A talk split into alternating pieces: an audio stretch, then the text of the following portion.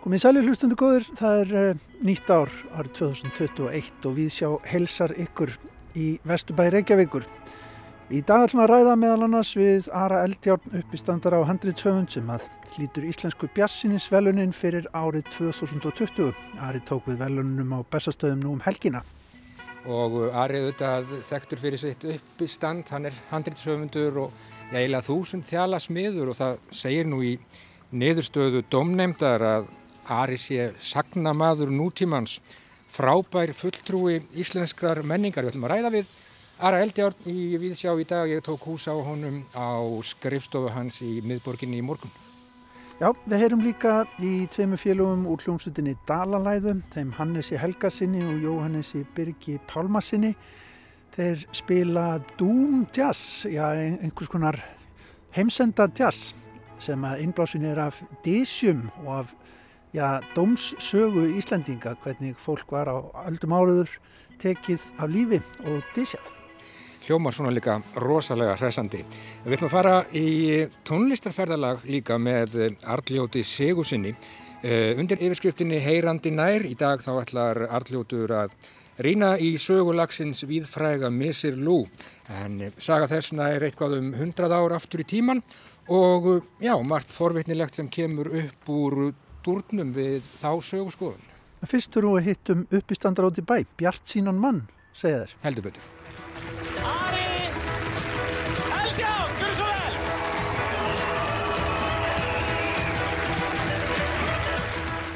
Já, ég kom hingað niður á Klapparstíg, þar situr Ari Eldjárn, hann var að taka við já, íslensku bjartsýnis velununum bara núna um, um helgina til Hamingju. Já, takk að ég kella fyrir. Ertu bjartsýn?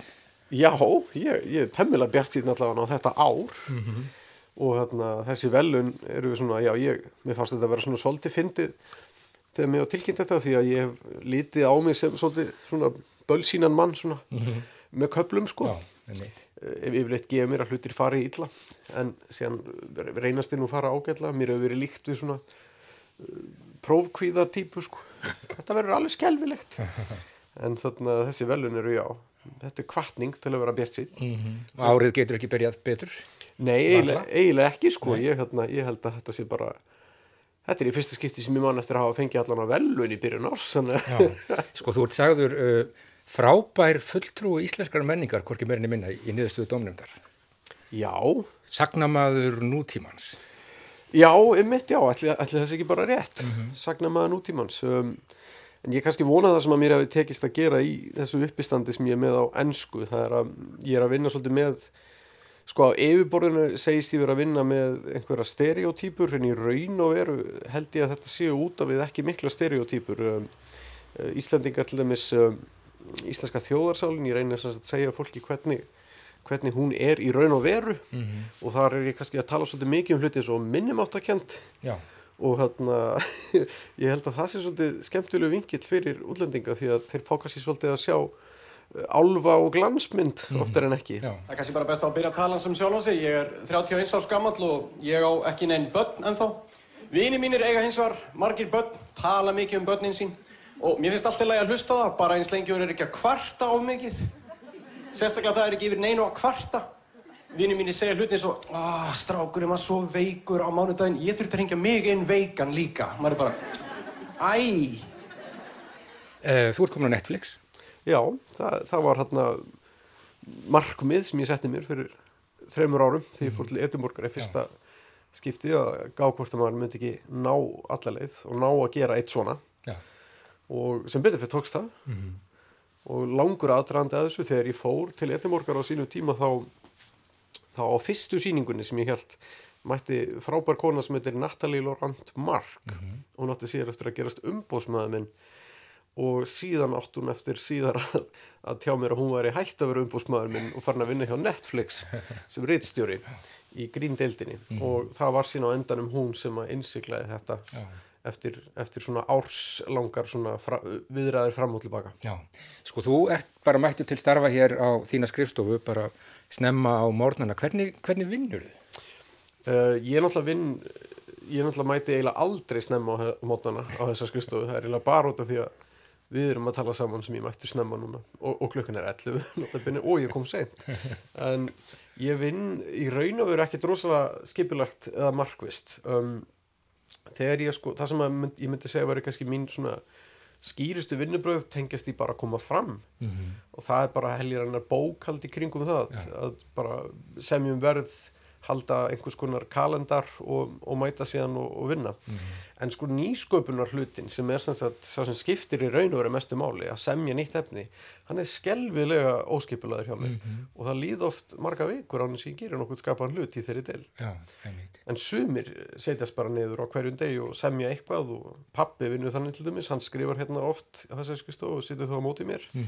Og Dóri DNA, en maður sem er með einhver bestu vinnubröð sem ég hef séð hann, hann bara er með svona dagatalhólkjart yfir bara árið og hérna er í nokkra vikur sem er hann bók, nokkra vikur er hann sjónvastátt og Já, þú ert ekki svona skipulaður. Nei, því miður, ég, með, ég þrái það sko. Nei. og hérna ég er með grín í síningunni sem fjallar um hvað Danir eru skipulaður og, og njörf allt niður eftir vikum viku 51, viku 32 ég vildi oska ég verið svoleiðis því það í raun og veru fer mér betur. Já.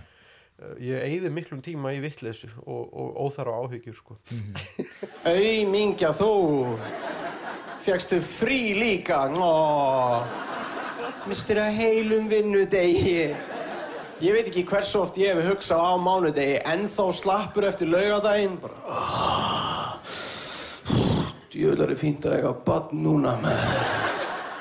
Ertu hérna alltaf með svona, hvað ég segja, alla anga úti, hvar, hvað hérna, hvað rekur þið áfram og hvert, hvert sækir þið áhrif? Já, það er nú það, guð, þetta er, þetta er svolítið stóð spurning. Sko ég ætlaði mér alltaf og ætla mér í raun enn að, að gera eitthvað tengt kvikmyndum. Já, og ég kannski eitti bara svona stóran hlut af mínum unglingsárum bara í að horfa á kvikmyndir. Og, og kannski læriði það fljótt að ég eh, er frekar minnugur á svona eh, leikina atriði. Og áhrifin svona eru kannski svolítið úr öllum áttum. Já. ég hef bara alltaf haft svolítið gaman að því að endur taka hluti eins og págaugur og í dag er mikið sport að, að deila klippum á, á YouTube og á samfélagsmiðlum þar sem hún getur sínt fólki og posta á síðunina, þetta er fyndið, mér finnst þetta gott. Það var í raun og veru það sem ég var alltaf að gera lungu fyrir tíð sko internetsins, ég var alltaf að bara taka eitthvað upp á spólur og, og segja síðan fólki, herru ég þarf að sína reytina sketsinu og þá gæti ég fundið hann, ég vissi á hvaða spólu hann var, á hvaða mínútu og, og ef ég gæti það ekki, þá bara leki hann. Já. Þannig að þú veist, það var alveg svona kultur hjá mínum vinnum bara þegar við vorum krakkar að bara leika heilu Simpsons þættina. Mhm. og þá, bara, þá færi maður bara ósjálfrátt einhverju æfingu í eftirhermum og þarna, reymum og, og einhverju svona sagna sagna gáfu en ég veit ekki alveg hvað dræfið er. Dræfið Nei. er kannski bara bara innstinni, bara hefur mér alltaf þótt ótrúlega gaman bara að fá hlátur. Já, og bara þy- þykja að vera sniður. Já, sko þú nú ekki gamall maður en, en hvað, þetta eru 400 sýningar með, með Íslandi, eitthvað, eitthvað slíkt, þú er komið að gerð hvað, fjögura áramótaskaupa og pluss allt annað. Já, já, þetta er senustu tíu ár allt saman, sko. Ég er endar, ég er eldri en fólk heldur, ég er að vera færtur í ár. Þannig að ég byrjaði svona um þrítugt, þá byrjaði ég að verða svona hyperaktífur í þessari deild. En það hefur eiginlega verið bara á þessum, þessum áratugi, þessum öðrum áratug þessarar aldar. Þar hefur, þar breytist límitt bara mjög mikið og ég fór frá því að gera bara helst sem minnst Já. yfir í að vera bara að drukna í vinnu. Mm Þannig að já, ég veit ekki hvað, hvað þetta eru mörg skipti sem ég hef komið fram á þessum tíu árum en ég, ég held að það sé eitthvað um 3000 skipti Já, sem ég hef stíð á svið. takk fyrir það. Ég var, ég var stattur á veitingastað og ég var að býja eftir borði og þegar ég er að fara að taka borðið þá bara koma tveir gæjar bara labbandi inn og þeir bara taka og ég ætla eitthvað að segja fyrir ekki, ég held að þetta sé borðið mitt og Gaurinn segir bara, hvað, er listi? Er listi? og ég var bara nei, það er ekki listi, nei, auðvitað, já já, auðvitað, nei, nei, nei, og ég fer bara ég veit allan tíman að það er eitthvað að og svo er ég bara, býta, af hverju, af hverju gaf ég þetta svona eftir? Ég tapaði. Er listi? Ég átt að segja eitthvað. Ég átt að segja eitthvað. Og ég hugsaði um þetta í þrjá daga eftir þetta. Ég var að vinna massífa hugmyndavinnu heim hjá mér. Er listi? Er listi? Hvað? Er listi? Hvað er þú einhver listamaður eða? Hvað er? Nei, það er ömulegt svar. Það er ömulegt svar. Er listi? Já. Fá þetta listi. Og getur hver er númur eitt á honum? Ef þú hefði séð mig á rauðu ljósi á þessum tíma, það er bara þú veist þessi hræðilegasta mann í heimi bara. Þú ert uppistandari bara í fullu starfi. Já, og það hefur Kallar þið textahöfund í, í símaskráni? Já, bara ég hef ekki nefnt að breyta því sko. En þarna, það er bara frá því ég vann á auðlýsingastofu sem var það seinasta sem ég gerði áður en ég hóf þetta líf Mhm. en í raun og veru þá er svona árið hefur verið þannig náttúrulega COVID er búið að breyta þessu ég unni miklu minna Já. en árið hefur verið þannig að, að það byrjar svona í janúar og út april, mæ rignir inn bara svona fyrirspurnum um að koma á skemmtanir á bara viðburði, þorrablót, ásatíðir Já. þannig að einum uh, þræði er ég sko partur af svona veitingagerana er í raun og veru bara svona eins og kokkur eða, eða þjótt Mhm. með, með það atriði. En svo hef ég verið að halda þessa sýninga með með Íslandi sem við höfum kert ansi grimt á köflum. Og svo hef ég verið með mínar einn sýningar um áramótin. Þannig að þetta er svolítið svona En þetta hefur vantarlega leiðið dvala.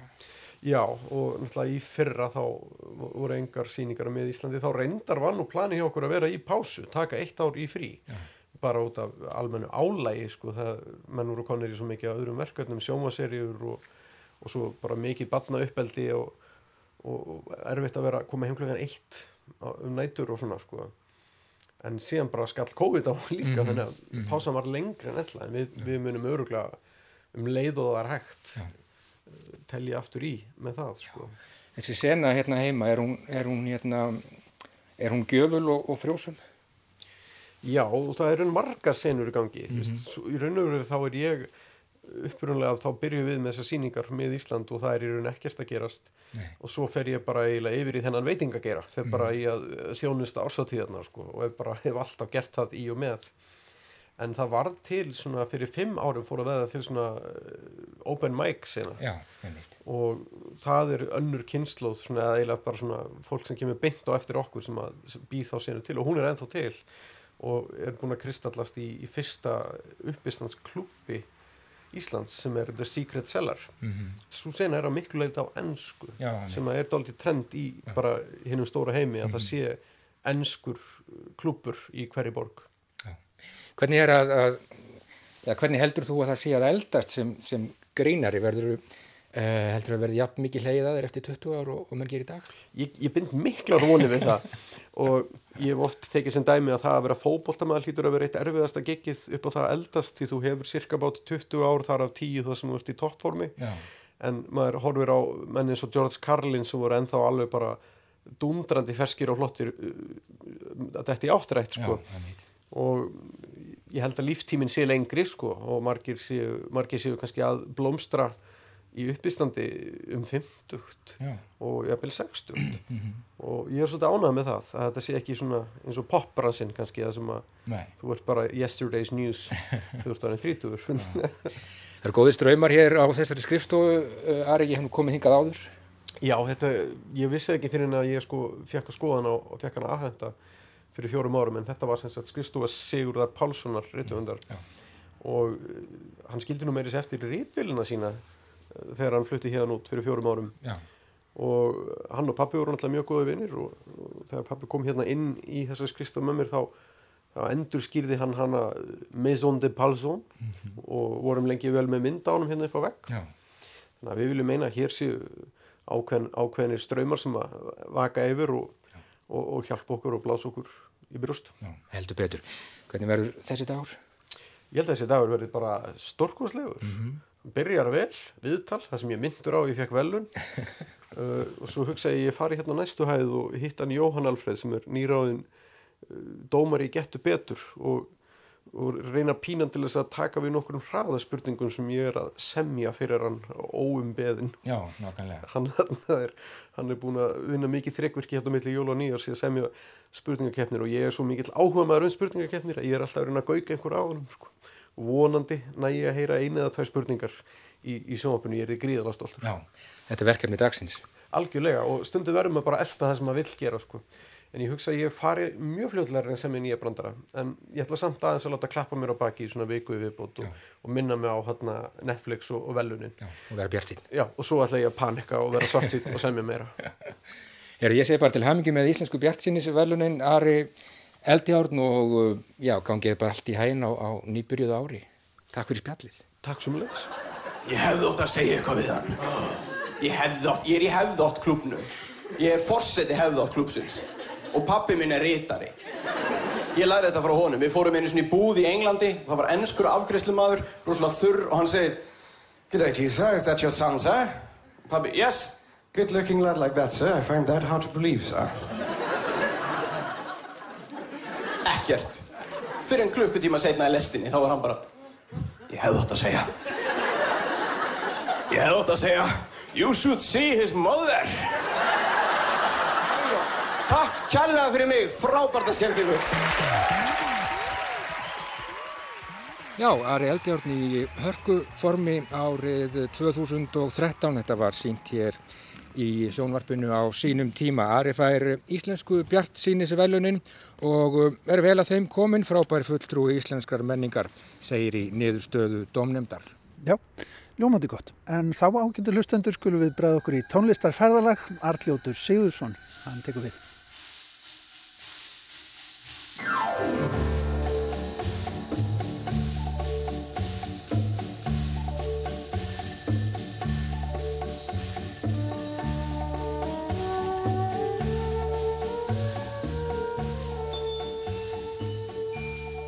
Sum stef eru þrjóskari en önnur og vilja stöðugt minna á sig. Endurfæðast í ólíkum byrtingarmyndum innan tjáningarforms hvers tímabils á fætur öðru. Svo verist vera raunin með hefð viðfræga lag Missir Lou sem við heyrðum brotur hér á endan.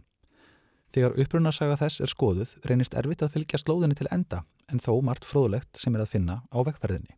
Þegar ottomanveldið liðaðist sundur fyrir um hundrað árum og tók að skiptast í fjöldaríkja voru ímist þjóðarbrott misvelkomin undir nýjum fánum nýra ríkja. Þá flúðu margir gríkir á framandi slóðir nýja heimsins í Norður Ameríku. Tetos Demetriadis hétt eitt þeirra en hann taldi sér ekki stætt að lifa í henni nýju Istanbul Tyrklands og fann sér nýjan samastað í bandaríkjunum. Söngvari sjálfur og fjölhæfur tónlistarmadur í svo kolluðum repetíkóstíl, eins konar revíumúsik grísks súbkultúrs, samofinn hennum lægri stjættum, vafasömmum knæpukrimum og drikkjuskap. Grískur blues mætti segja, vinsalt dægurlega form þess tíma og þjætt samofið hennu víða og breyða ottomanveldi. En hann Tetos okkar valdi það til upptöku þegar hann fór inn í stúdíó árið 1927 í nýju heimalandi sínu bandaríkinum og er það elsta upptaka af Missir Lou sem fundist hefur. Hlustum því á Missir Lou í flutningi Tetos Demetriadis.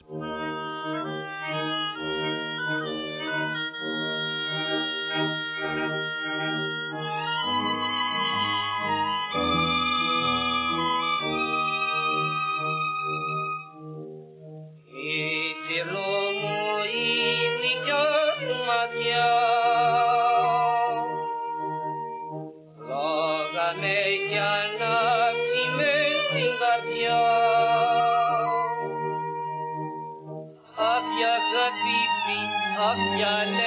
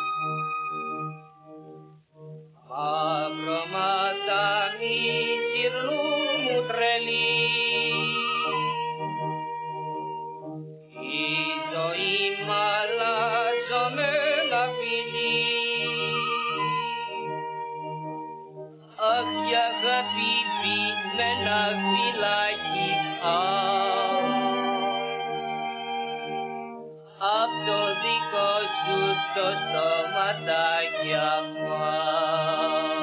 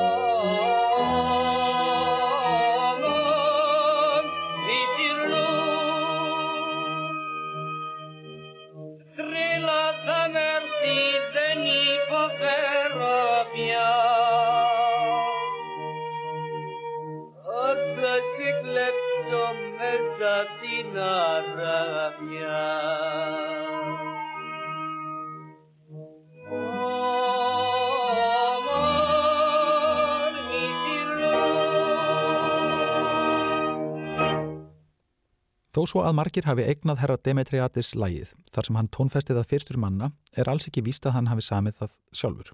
Enda lítur út fyrir að hann hafi aldrei gert tilkall til lagsins. Sennilega hefur þetta verið húsgangur og ástæða til að spila það inn á band. Lægið er æði fallegt. Tyrkir kalla Egiptaland Misir og Misirlí þýðir Egipskur eða frá Egiptalandi og með gríska viðskiptinu Ó sem vísar til kvenkins mætti pislahöfundur taka sér smá skáldaleifi og kalla það á ylhýru Nílarfljóðið. En svo er eins með stefið dularfulla og hið fagra Nílarfljóð að allir vilja ganga að eiga hana. Hvort sem er í Moskum Marokko við grátmúr geðinga eða orthodoxa í aðinu er allstaðar að finna fólk sem telur lægið vera upprunnið innan sinna bæjartýra. Er lægið því kannski einhvers konar töfraandi ottomanveldisins, heimsveldi sem verðist annars vera hinn stóri samnefnari fyrir sköpunasögu lagstins. Hvað er það annars sem gerir lægið svona sívinsælt og heillandi?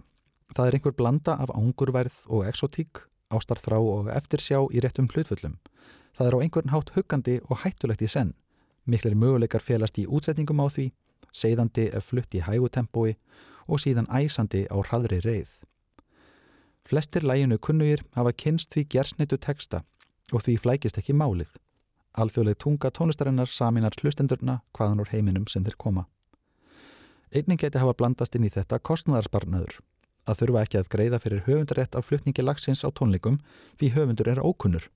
Ímsar útgáfur lagsins, meðal annars í flutningi trompetleikarans Harry James og píjánuleikarans Jan August skutu læginu inn á billboardlistana á 5. áratug síðustu aldar og síðar tóku exotika frömuðir tíkibara kokteltónlistarinnar þegar Martin Denny og Arthur Lehmann nýlar frjóðið Mr. Lou upp á arma sína og því lægið borist um halvan nöttin til andfællingana í Kirrahafinu.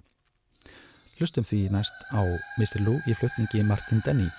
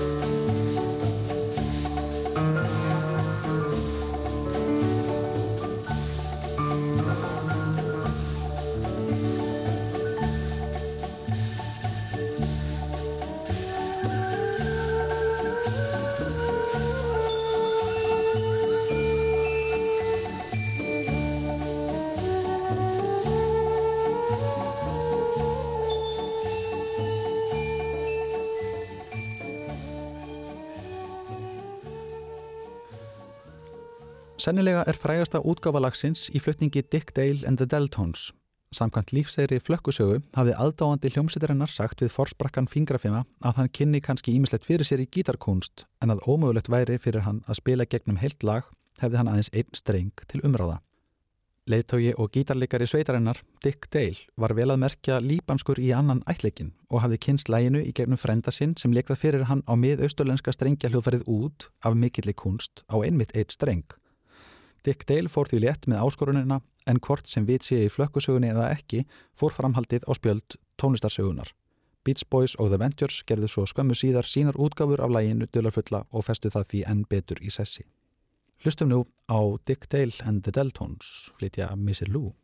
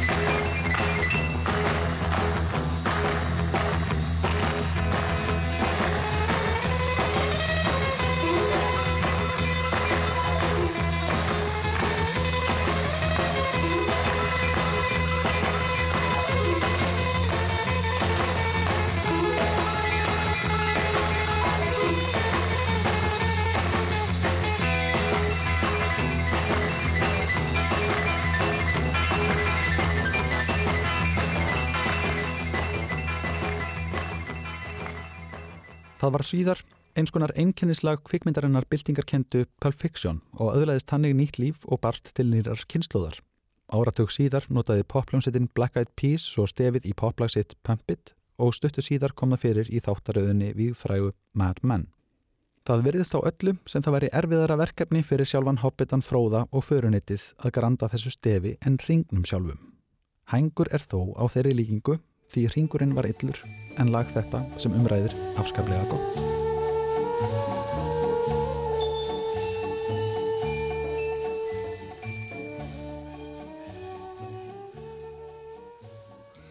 Já, Arljótur Sigursson, heyrandi nær og lægið Missir Lú, hefði þrjóska nýlar fljóð. Hættulegt og huggandi í sensum stef eru, jú, þrjóskari en önnur og vilja Stöðugt minna á sig endurfæðast í ólíkum byrtingarmyndum, segði Arljótur. Og við heyrum aftur í Arljóti hér í Víðsjá að veiku liðinni þessi pistil var áður á dagskraf hér í Víðsjá þann 7. desember síðastliðin. En áfram tónlist nú glæni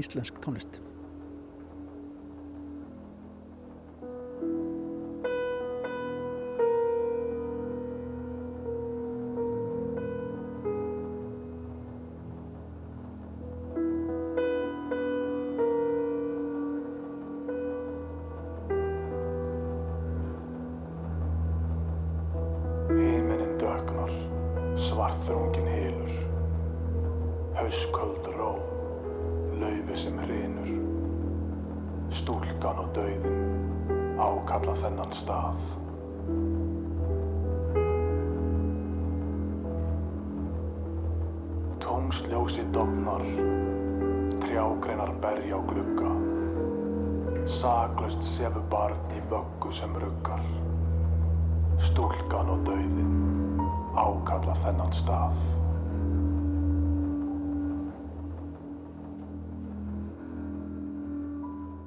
Þetta ágætu hlustendur er hljómsveitin Dalalæða. Lægið heitir Stúlkan og Dauðin. Það er að plötu sem heitir Dísjar sem kom senkt út á síðasta ári. Í upplýsingum sem að fylgja læginu á plötunni segir árið 1792 var Ingi Björg Jónsdóttir vinnukona á hofstöðum í Skagafyrði tekin af lífi fyrir dölsmál. Hún viðurkendi að hafa eignast barn í fjósinu á hofstöðum, lagt það í bás, bleitt peysu sína og ofið barninu í hana. Þá hafði hann vafið í svartan lepp og grafið. Á hérastingi að víðuvöllum var dæmt að hana skildi klípa fimm sinnum með glóandi töng. Stúlkan og dauðin ákalla þennan stað. Hennar hægri hönd lifandi af högvast með öksi og síðar höfuðið. Líkamann skildi leggja á steilur en höfuðið og höndina á stjaka. Á alþingi var döðadómurinn staðfestur en dómurinn mildaður örlítið. Ingi Björg átti að hálshögvast og höfuð hennar átti að setja á stjaka en kroppurinn grafast á aftöku stað. Ingi Björg var hálshögvinn 1792.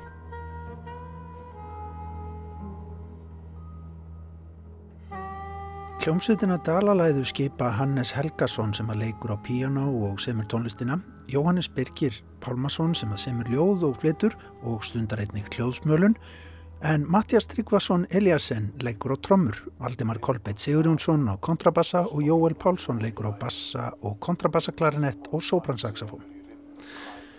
Þeir Hannes og Jóhannes Birgir eru á línunni og sá síðanemdi lýsir tilkomu verkefnisins, hljómsveitarinnar og plötunar sem að öll snýst um aftökur á Íslandi.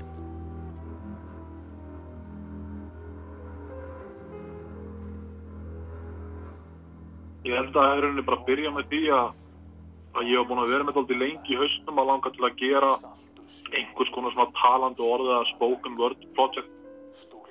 Og ég nefndi það við Hannes að hvort það var ekki gaman að reyna að gera eitthvað saman. Og það var svona kannski bara rauninni lausleg byrjun á þessu. Síðan bara svona byrjar einhverjum ákveðin hugmynd að vinna út frá því. Og var það ekki kærast á þínu rauninni sem bendur okkur á á þetta verkefni í rauninni til sem það dæmdu. Jú, hún er hérna hefur verið mikið í að raðgreina borna Íslandika og þekkir hérna steininni Kristjánsdóttur mjög vel, hefur verið að vinna með henni sem er prófessor í, í forlegaðfæði Háskóla Íslands og hefur verið að, að tástuð ímislegt og meðal annars þetta að reyna að, að kortleggja og, og rannsækja uh, aftökur og dómsmál þeim, tengdum á Íslandi.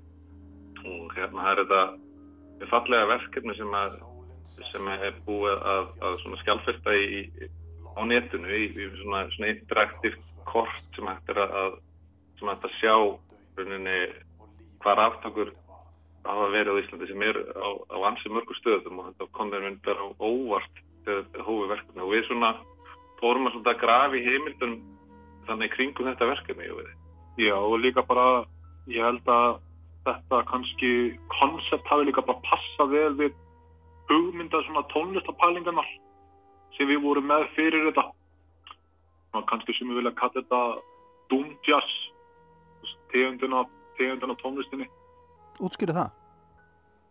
Doom jazz þetta er þetta er í rauninni ákveðin tegund af jazzforminu sem er mjög hægeng og kannski svona meira dimm heldur en gengur og gerist kannski með mikið að jazz.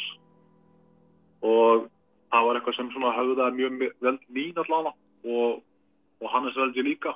Þannig var rauninni byrjunin á þessu. Og við byrjum í rauninni á að Hannes var mikið að senda mér bara einhverjum svona litla píjónastúa einhvern síman og bara. Já, Já ég hérna fór í fór rauninni bara svona stundur svona ákveður svona hugleyslu við við píjónúið og var svolítið að leika með með með svona symmetrisk form eða svona, svona í, tengsluði bara svona ástmína á tónskaldinni Oliver Messian og svo er ég líka með bakgrunni í, í, í starfræði sem að svona þetta hendar svolítið svona mínum hvernig hausin á mér er výraður en hérna en hugmyndin var svolítið að vera með búa til eitthvað sem að væri ekki var enginn beint miðja endilega. Og finnum hvort það hafi tekist en hérna en hugmyndin var svolítið að, að, að búa síðan til svona ákveðin ramma. Við vorum strax með búin að hafa samband við Magnús Frommar á Valdakóla og Jóel sem voru til í þetta en, en við Jóel sem unnum þetta svolítið grunnvinnuna fyrst út frá þessum hvað segja, hugleislum og svo bjómaðurinn er bara til svona ákveðin ramma fyrir þá til að vinna í og ég vissi alveg það með þessa menn innanbúrs að í stúdíónu myndi myndurinn þetta einhvern veginn allt lifna við.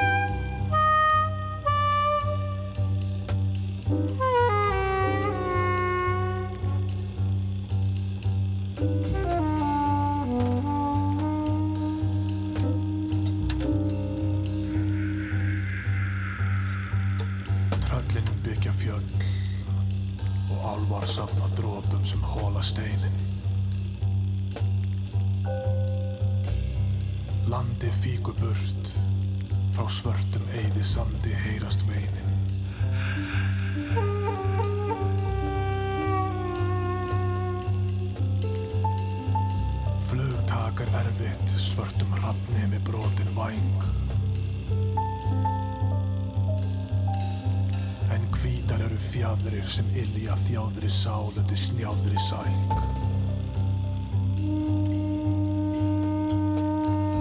Ég horfin í tómið og fyllið af sorg.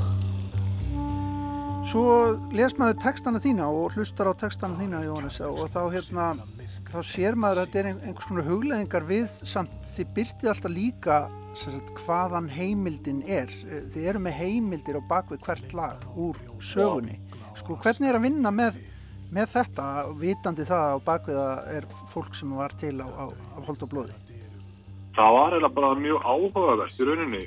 Uh, kannski svona, það var hansi dimm lesning ofta að fara yfir þetta.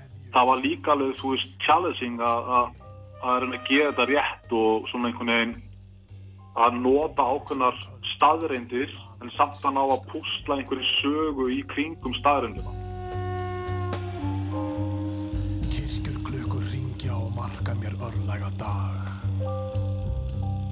Öskra inn í nóttina en fæ ekkert svar.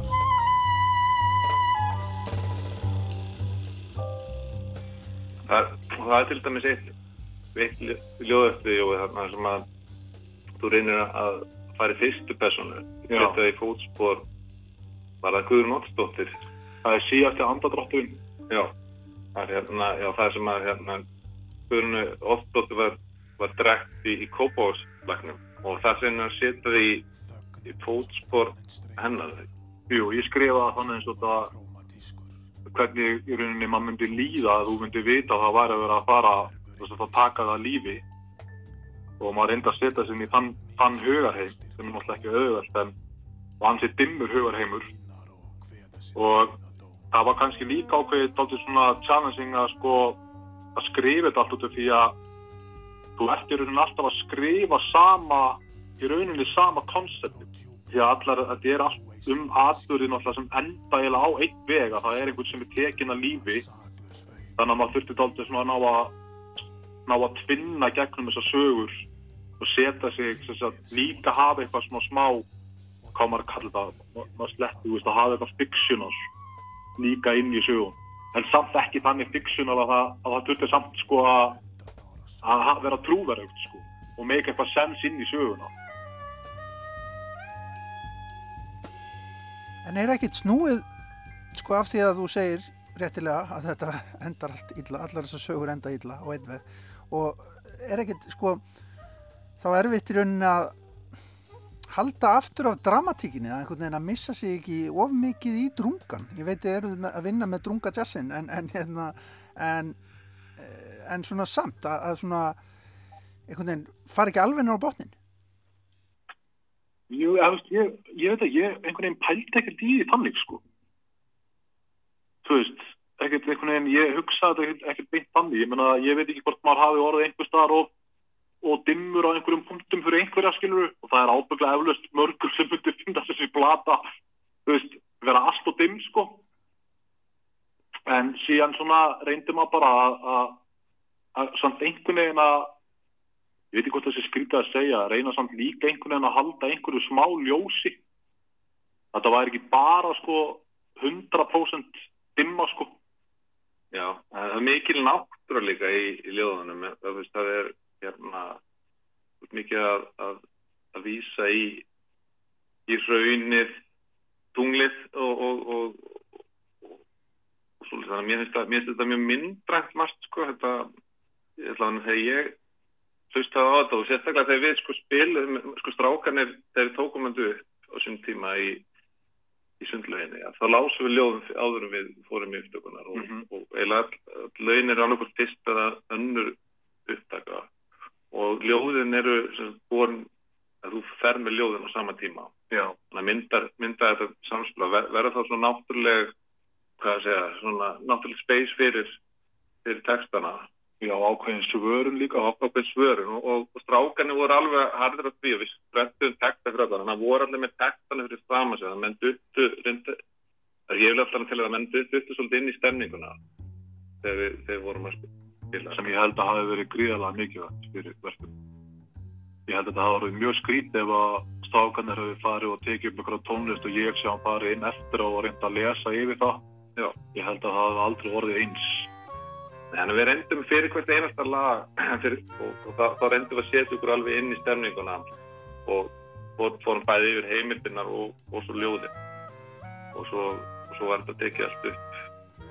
Live, live og svo náttúrulega bara Albert og Jóhannes áttu svolítið við þetta eftir eftir á það. Já, það var aðalega eitt lag sem við þurftum að segja við eftir á það er hveði stáði fólki sem eru með hérna röddum hans Jón, Jón Helga sko, sem var tilbreyði við hvað eftir hann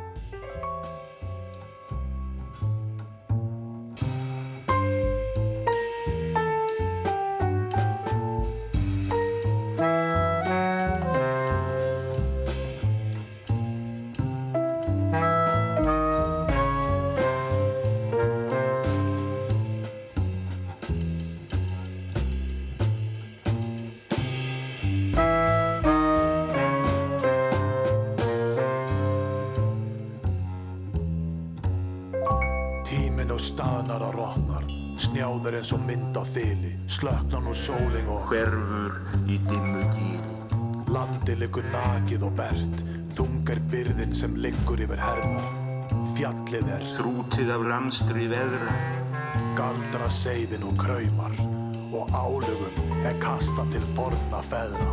Santimis hvaðst á við hann úr neðra.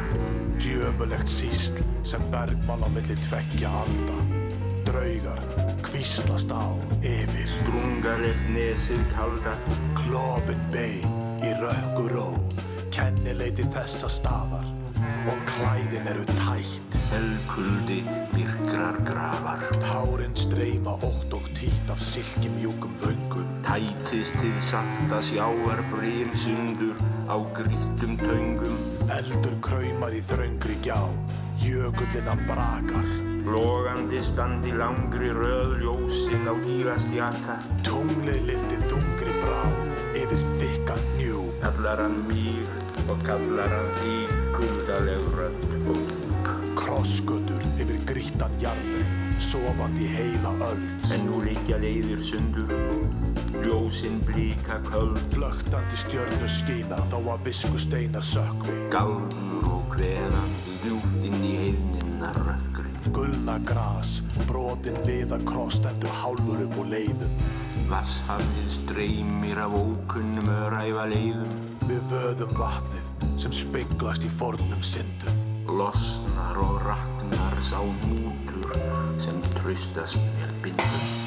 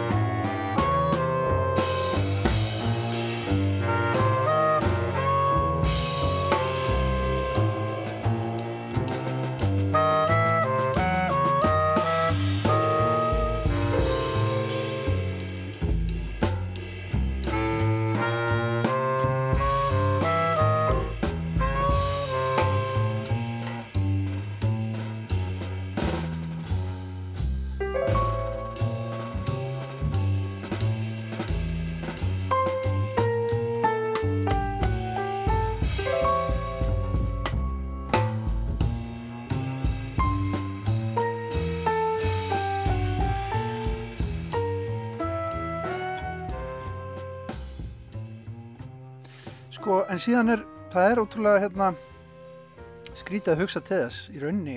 Það er ekki mjög langt síðan að það fólk var tekið af lífi á Íslandi bara og dísjarnar sem að þið vísið í sem alltaf lýsa hans í svona köldum veruleika. Er, það er stutt í þessa sögu, finnst þú það ekki? Jú, jú, jú. Það, er mjög, það er mjög. Og líka nærmanni heldur maður kannski hér, sko líka bara staðsetningin á sumum það sem aðbörn. Já, já, hérna til dæmis í dandunum og, og, og hérna, og í kópásleiknum, er alltaf þessum að fólk gengur fram. Við erum bara, fram, við erum bóttir að lappa í það núna, þú veist, út í allan á dalsbúr. Já, Næ, þetta er mjög stutt, stutt frá okkur og það er náttúrulega, náttúrulega í dag svolítið skuggalegt að, að, að, að hérna, að veita til þess að á Vesturlöndum er ennþá verið að taka fólk að lífi. Já, er hérna, en, en það sem ég finnst áhugavert fannst mjög áhugavert í, í þessu öllu er hérna er rauninni hvað svona kynja misjætti hvað, hvað þetta rauninni þessi dómar? Eru sko lýsa þessu kynja misjætti svolítið sterklega þegar það eru kannski þóttu þessi kannski ekki alltaf sanna samanska fólki til dæmis í útbyrða á börnum að, að þá er konan tekin að lífi en kallin það fær, fær að sleppa sko, sem dæmi. Þetta eru, þetta eru mjög, þetta eru mjög hérna, skuggalega lýsingar á, á, á svona hvernig samfélagið var á þessum tíma. Já, við erum að fara að halda ég veit ekki hvað þú þetta kallaði útgáðu tónleika við erum að fara að halda tónleika. Við erum búin að tala við tala við, við prestin í, í Kvalsneskirkju uh, sem er hérna við, við Sandgerði. Við ætlum að halda tónleika þar uh, annarkort í februar eða maður setja svolítið eftir aðstæðan þar sem við ætlum að flytja þetta í, í helsinni og svo, svo erum við að er svona huga næstu útgáfu erum með smá fjármang til þess að taka upp aðra fötu og hérna, þetta er allt gefið undir svona nýju útgáfu félagi sem heitir VAX. Sem er fyrsta útgáfan þar.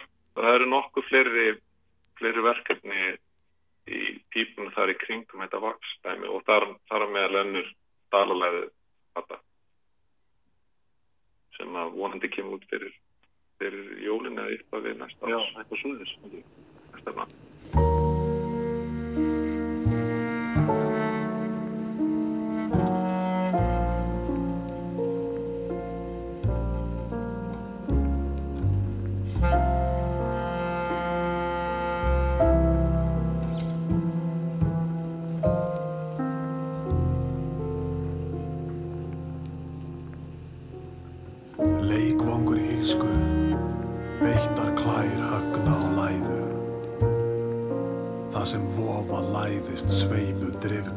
slæðu. Klopnar greinar, grotnar rætur, svartur skóur, langar nætur.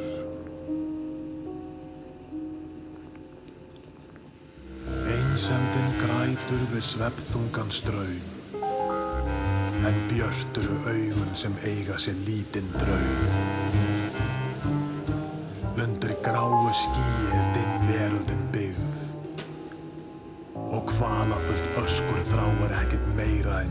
dauða kyrð. Þar sem nóttin drýpur úr fornum trjám dvelur dala læfa.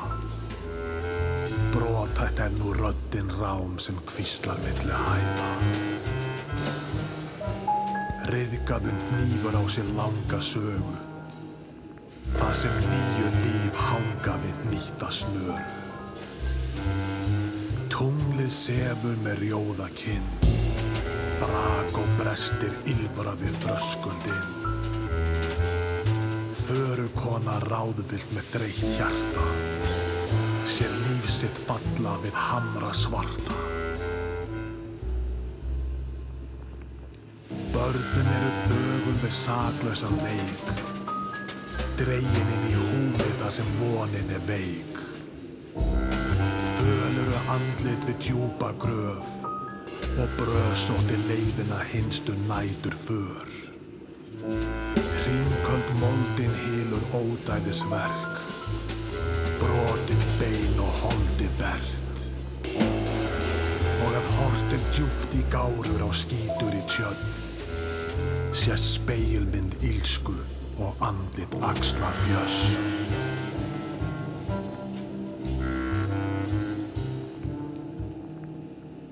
Tónlist með sveitin í Dalalæðu, þetta var af blötunni Dísjar sem að kom út nýlega. Þetta voru Hannes Helgarsson og Jóhannes Birgir Palmason sem að sögðu okkur frá liðsmenn í Dalalæðu.